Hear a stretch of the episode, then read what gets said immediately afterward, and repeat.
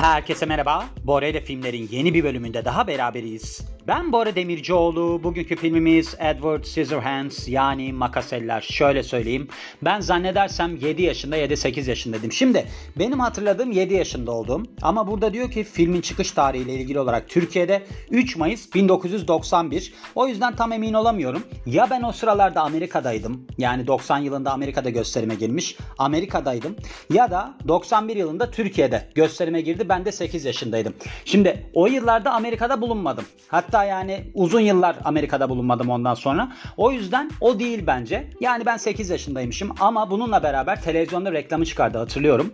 Neyse reklamını izlediğimde ben çok korkardım. Böyle ellerinde makas olan birisi falan. Bir de böyle ilkokulda o zamanlarda şeyler vardı. Çocuklar işte çok zengin bir çocuk vardı mesela hatırladığım Berat diye.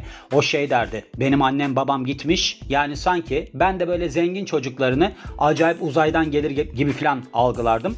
İşte annem babam gitmiş çok korkmuşlar filan derdi. Ben de o çocuğun dediğine nedense inanırdım yani. Sanki gidip sette bulunmuşlar gibi. Çok korkardım özünde. Neyse sonralarda böyle birkaç kere izleme girişiminde bulundum ama tam izleyemedim. Geçenlerde kız arkadaşımla izledik biz bunu. Hatta Tim Burton ayı yaptık diyebiliriz yani. Hani şeyi izledim mesela bu filmi işte Edward Scissorhands'i, Makaselleri. Onunla beraber Beter Böceği filan izledim. Bayağı bir filmini izledim. Bir tane daha izlemiştim. Şimdi unuttum. Sonra ben Beter Böceği yaptım zaten Bora ile filmlerde. Şimdi dedim ki acaba dedim bu filmle alakalı kamera arkası gerçekler var mı?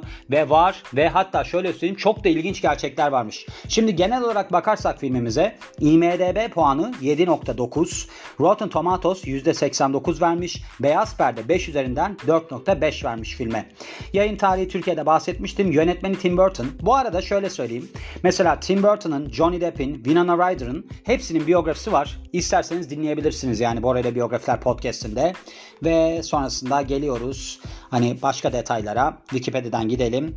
Neymiş bakalım. Mesela süresi 105 dakika. Bütçesi 20 milyon dolar. Gişe geliri 86 milyon dolar. Gayet karlı bir iş. Amerika'da yayınlandığı tarih 6-7 Aralık demiş. Yani 6'sında Los Angeles'ta 7'sinde Aralık'ın bütün Amerika'da yayınlanmış. 90 yılında yayınlanıyor.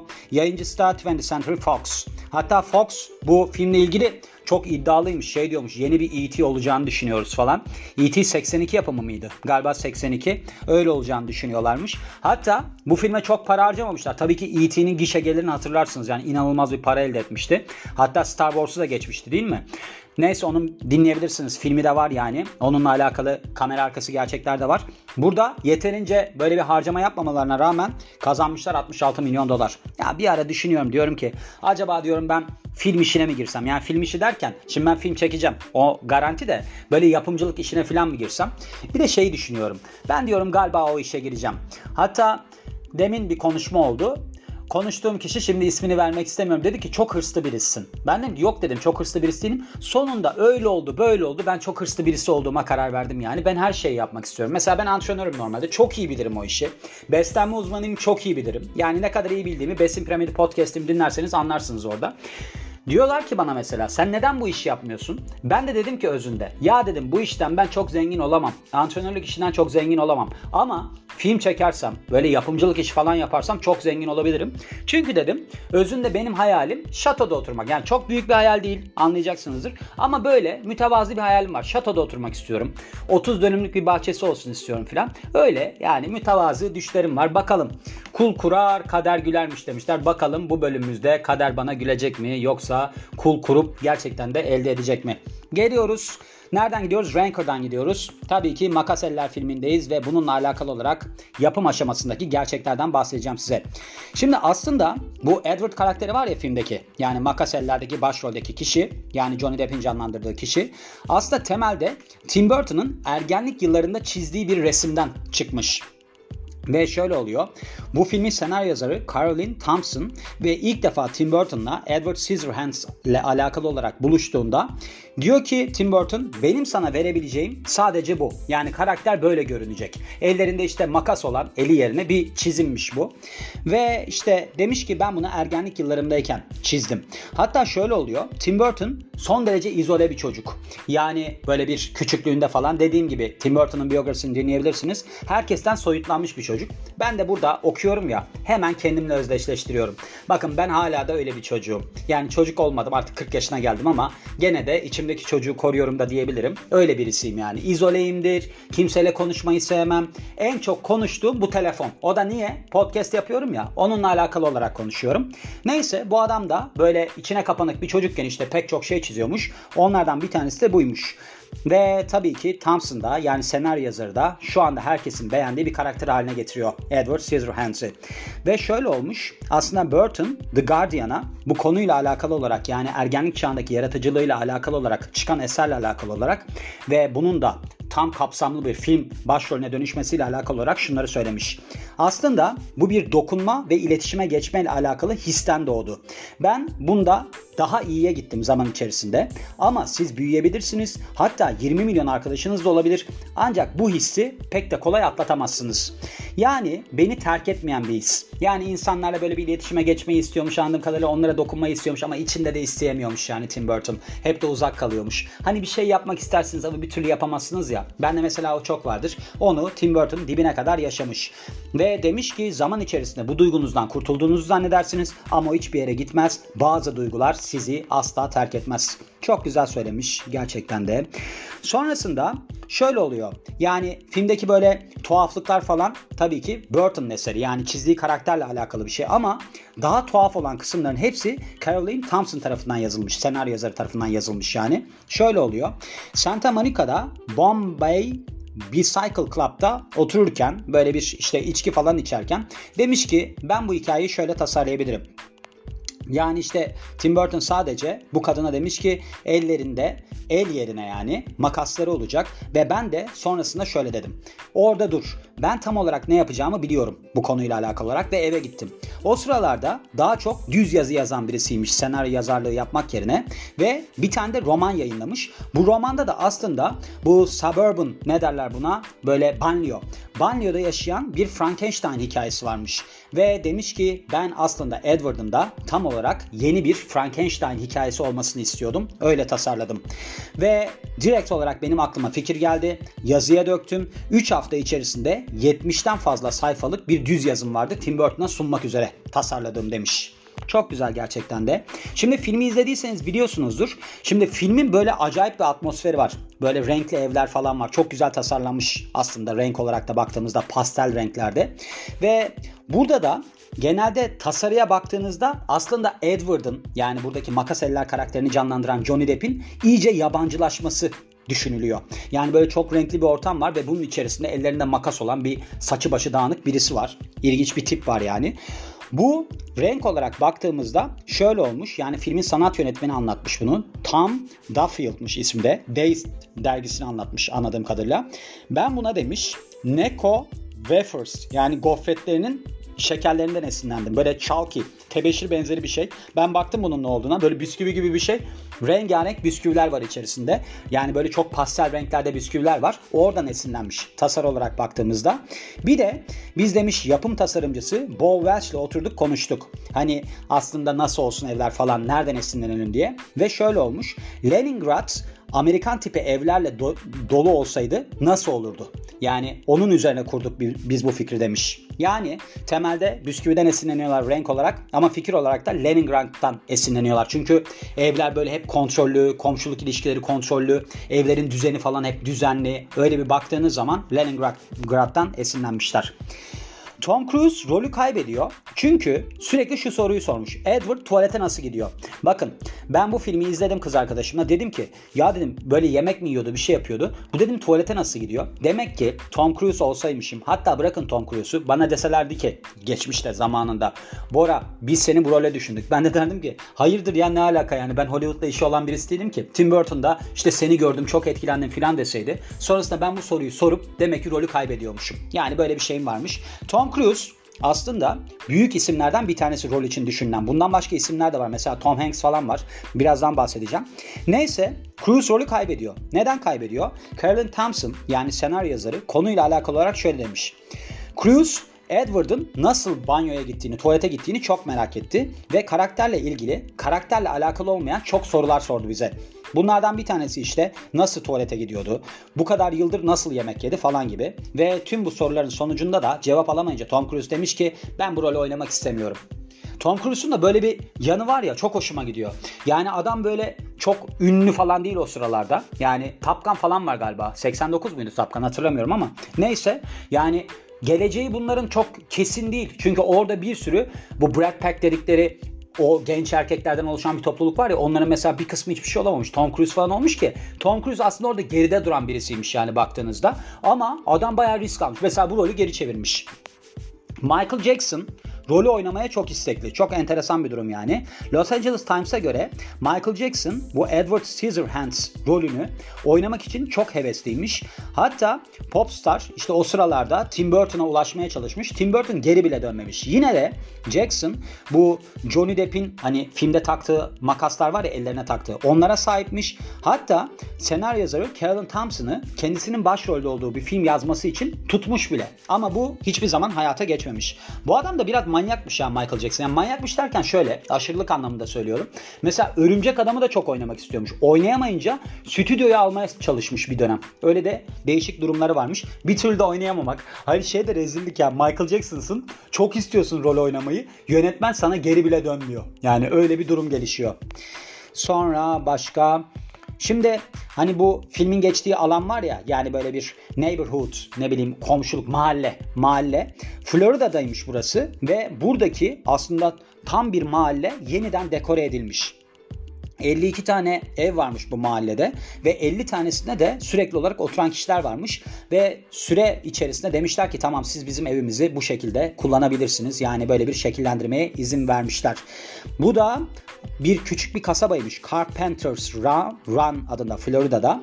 Tampa'dan 5 mil uzaklıktaymış. Bazıları sorun çıkarıyorlar. Diyorlar ki işte bize daha fazla para verin falan filan. Sonrasında ama yine pes etmişler yani. Bu biliyorsunuz Asmalı Konak'ta da öyle bir şey olmuştu. Asmalı Konağı olan sahibi yani ilk baştaki çok para istediği için konağı yaktılar. Hiçbir şey alamadı devamında. Birkaç tane A sınıfı oyuncuya rol teklif ediliyor. Demin bahsetmiştim. Girişini yapmıştım. Mesela o sıralarda aslında Johnny Depp çok da ünlü değil. 21 Jump Street'te böyle oynuyor falan. Hatta ne oynuyor ondan önce? Bir tane Sulu Göz diye bir filmde oynuyor Johnny Depp. Çok büyük işleri yok. Yani bu 90 yılında 84 yılında şeyde oynadı mesela. İlk filmidir hatta. En Sokağında Kabus'ta oynadı. Yani böyle Tim Burton'ın stüdyo bazında baktığınızda ilk tercihi falan değil. Mesela Fox şeyi istiyor. Tom Cruise'u ya da Tom Hanks'i istiyor. Yani bu isim olarak baktığımızda daha büyük isimler. Ve Robert Downey Jr. Jim Carrey de düşünülmüş. Yani filmle alakalı olarak. Ancak sonrasında Tim Burton Depp'in işini görüyor ve çok etkileniyor. Yani performansını gördükten sonra çok etkileniyor ve bu yüzden de rolü ona veriyor. Ancak Johnny Depp diyor ki ben diyor aslında role seçildim fakat sonrasında yerime başkası geçer. Çekimler başladıktan sonra bile endişesi kapladı içimi. Enteresan bir hikaye. Şöyle oluyor. Şimdi bu hani Scissorhands filmi çekiliyor ya. O film çekilirken işte böyle bir şey banyo alanı gibi bir yerde çekiyorlar. Bir noktada kapı çalınıyor. Ve işte böyle bir öğlen zamanında böyle tam provaya ara verdikleri sırada bir bakıyor ki kapıyı açtığında Johnny Depp iki tane kız kapıda duruyor. Ve o da diyor ki ya diyor beni buldular işte şimdi imza isteyecekler falan diyor. Kapıyı açtıktan sonra kızlar diyor ki merhaba Tom Hanks burada mı? Burada mı yaşıyor? diyorlar. O da hayır henüz değil diyor Johnny Depp. Hatta şöyle olmuş o kadar inanmış ki hani henüz değil lafı ağzından dökülmüş. Neden biliyor musunuz? Çünkü demiş ki kesinlikle demek ki Tom Hanks benim yerime geçecek. O yüzden de bu kızlar kapıya geldi yani böyle bir haberi o kızlar bile aldı. Yandım ben falan gibi bir şey demiş. Çok enteresan bir durum ama böyle şeyler var biliyorsunuz. Mesela Back to the Future yani Geleceğe Dönüş filminde de olmuştu. Michael J. Fox'un rolü iki hafta şey oynamıştı. O maskedeki çocuk Eric Stoltz oynamıştı. Sonra Burton Robert Smith'e yani bu The Cure grubunun baş yani frontmeni var ya vokali ona bir soundtrack yapması için istekte bulunmuş. Ancak hiç ilgilenmemişler. Şimdi şöyle Roger O'Donnell varmış. Bu arada şeyin de Robert Smith'in de biyografisi var dinleyebilirsiniz. Roger O'Donnell demiş ki yani bu grupla bir var bir yok bir adam yani özünde de projeyi neden es geçtiklerini söylemiş. Yani benim hatırladığım bir şey değil.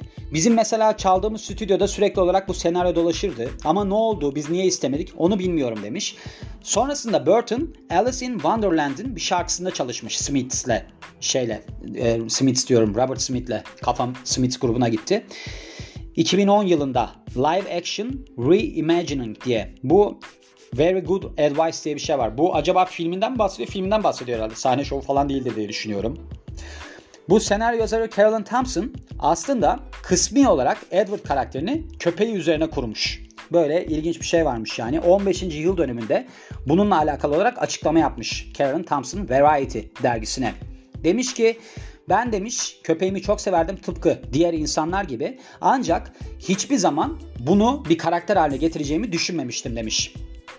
Sonrasında diyor ki aslında Edward karakteri şeye dayanıyordu. Tim Burton'a dayanıyordu. Yani Tim Burton'un aslında bu izole kişiliğinden de etkileniyor. Yani çiziyor ya bunu. Çizdiğinde işte o sıralarda böyle çok yalnız falan yalnız bir çocuk yani arkadaşlarının yaptığı şeyleri de yapamıyor falan. Yani Edward Scissorhands olarak baktığımızda Edward karakteri ona çok dayanıyor. Ve sonrasında işte demiş ki ben demiş bunu tabii ki korudum. Ama bununla beraber ben Tim Burton'a saygımla beraber yani bazı özellikler ekledim köpeğimden. Yani bu karaktere, Edward karakterine. İşte 18 yaşındayken ben köpeğimi diyor koleje götürdüm ve orada aslında bayağı isim yaptı. Yani çok ünlü oldu. Hatta demiş ki ben yemin ederim eğer ki demiş böyle bir konuşabilseydi konuşacaktı. O derece bir dile geldi. Benim başarımda da çok yer etti bu anı, bu hikaye. O yüzden de Edward bunun üzerine kuruldur demiş. Burton orijinalinde filmi bir müzikal olarak düşünüyor. Yani böyle bir durumu varmış. Hatta senaryo yazarı Kellen Thompson Variety'de demiş ki orijinal tretmanı filmin müzikaldi. Yani mesela şarkı sözleri falan içeriyordu. Hatta şarkılardan bir tanesi I Can't Handle It yani ben bununla baş edemiyorum muş. Ancak sonunda Burton bu fikre karşı çıkıyor ki Thompson da diyor ki aslında diyor müzikal olsa daha iyi bir film olur. Ama bir itirafı da var. Bazı şarkı sözleri gerçekten de çok kötüydü ilk etapta baktığımızda diyor. Sonra Vincent Price var. Bu filmde yer alan aslında Edward Scissorhands'i yaratan kişi. Yani bu Edward'ı yaratan kişi. Geçmişe dönüyor. Johnny Depp orada o hikayeyi hatırlıyor falan. Son işiymiş bu adamın. Ve şöyle diyor ki Tim Burton Size diyor benim büyüme zamanlarımda Price'ın yani Vincent Price'ın nedenle etkili bir figür olduğunu anlatamam. Benim için her zaman çok böyle bir dramatik bir anıdır. Öyle düşünürüm yani. Çünkü bazı çocuklar mesela işte büyüme zamanlarında işte heavy metal dinler bunun gibi şeyler yapar. Ancak benim için bu adamın yani Price'ın filmlerini izlemek arınmak demek. Yani bir katarsis yaşıyordum bu noktada. Sadece düşük bütçeli Edgar Allan Poe filmi izlemiyordunuz. Bununla beraber aslında baktığınızda çok daha farklı bir görüntü vardı ekranda izlediğiniz zamanlarda. Böyle bir şey varmış. Yani bu da korku efsanesi deniyor Vincent Price. Bilmiyorum böyle şeyleri mi yaratıyor acaba? Hani ne bileyim korku dizileri falan sunan tipler var ya onlardan birisi mi acaba? Burton aslında bu mucit rolünü yani Edward'ı yaratan kişi rolünü özellikle bu adam için yazmış ve 93 yılında 82 yaşındayken hayata veda etmiş bu adam. Son rolü bu filmdeki rolüymüş. Winona Ryder cast olması düşünülen ilk aktör. Yani başka seçenekler yokmuş. Winona Ryder 1988 yılındaki Beetlejuice yani Beter Böcek filminde Tim Burton'la beraber çalışıyor ve film içinde ilk düşünülen oyuncu aslında. O sıralarda aslında Winona Ryder ve Johnny Depp sadece çıkmıyorlar aynı zamanda da nişanlanmışlar. Ve Burton'a göre aslında bu hani birlikte olan aktris aktör birleşimi onun fikri değilmiş. Yani öyle tesadüf olmuş deniliyor. Biliyorsunuz Winona Ryder bu filmde sarışın ve Winona Ryder orijinalinde de sarışındır. Biyografisi de var dinleyebilirsiniz yani. Sonradan siyah boyamış saçlarını. Bence çok güzel kadın bu arada. Sonra yapımcısına göre filmin aslında Fox'un E.T.'ye cevabı, cevabıymış bu film. Yani Edward Scissorhands yani Makas Eller filmi. Şimdi Edward Scissorhands 90 aralığında yayınlanıyor. Yani böyle bir tatil döneminde yayınlanıyor. Hani okullar tatile girer böyle bir film vizyona girer falan. Ve film yayınlanmadan hemen önce Fox yöneticisi Joe Roth Los Angeles Times'a demiş ki biz bu filmden çok büyük beklentiler içerisindeyiz ve E.T.'ye benzetiyoruz. Ancak bu E.T. kelimesini kullanmak istemiyorum çünkü biraz yanlış anlaşılabilir. Yerini bulmasını istiyorum filmin. Bu hani evrenin dışında gelişen bir hikaye değil. Evren derken dünyanın dışına gelişen bir hikaye değil. Ancak o çapta bir film. Yani çok iyi bir film olduğunu düşünüyoruz demiş. Ancak E.T.'de yapılan böyle bir agresif kampanya düzenlenmemiş. Böyle bir tanıtım kampanyası düzenlenmemiş. Yine de hem eleştirel yönden hem de gişe geliri yönünden çok başarılı bir film olmuş. Gördüğünüz gibi böyle bir filmdi.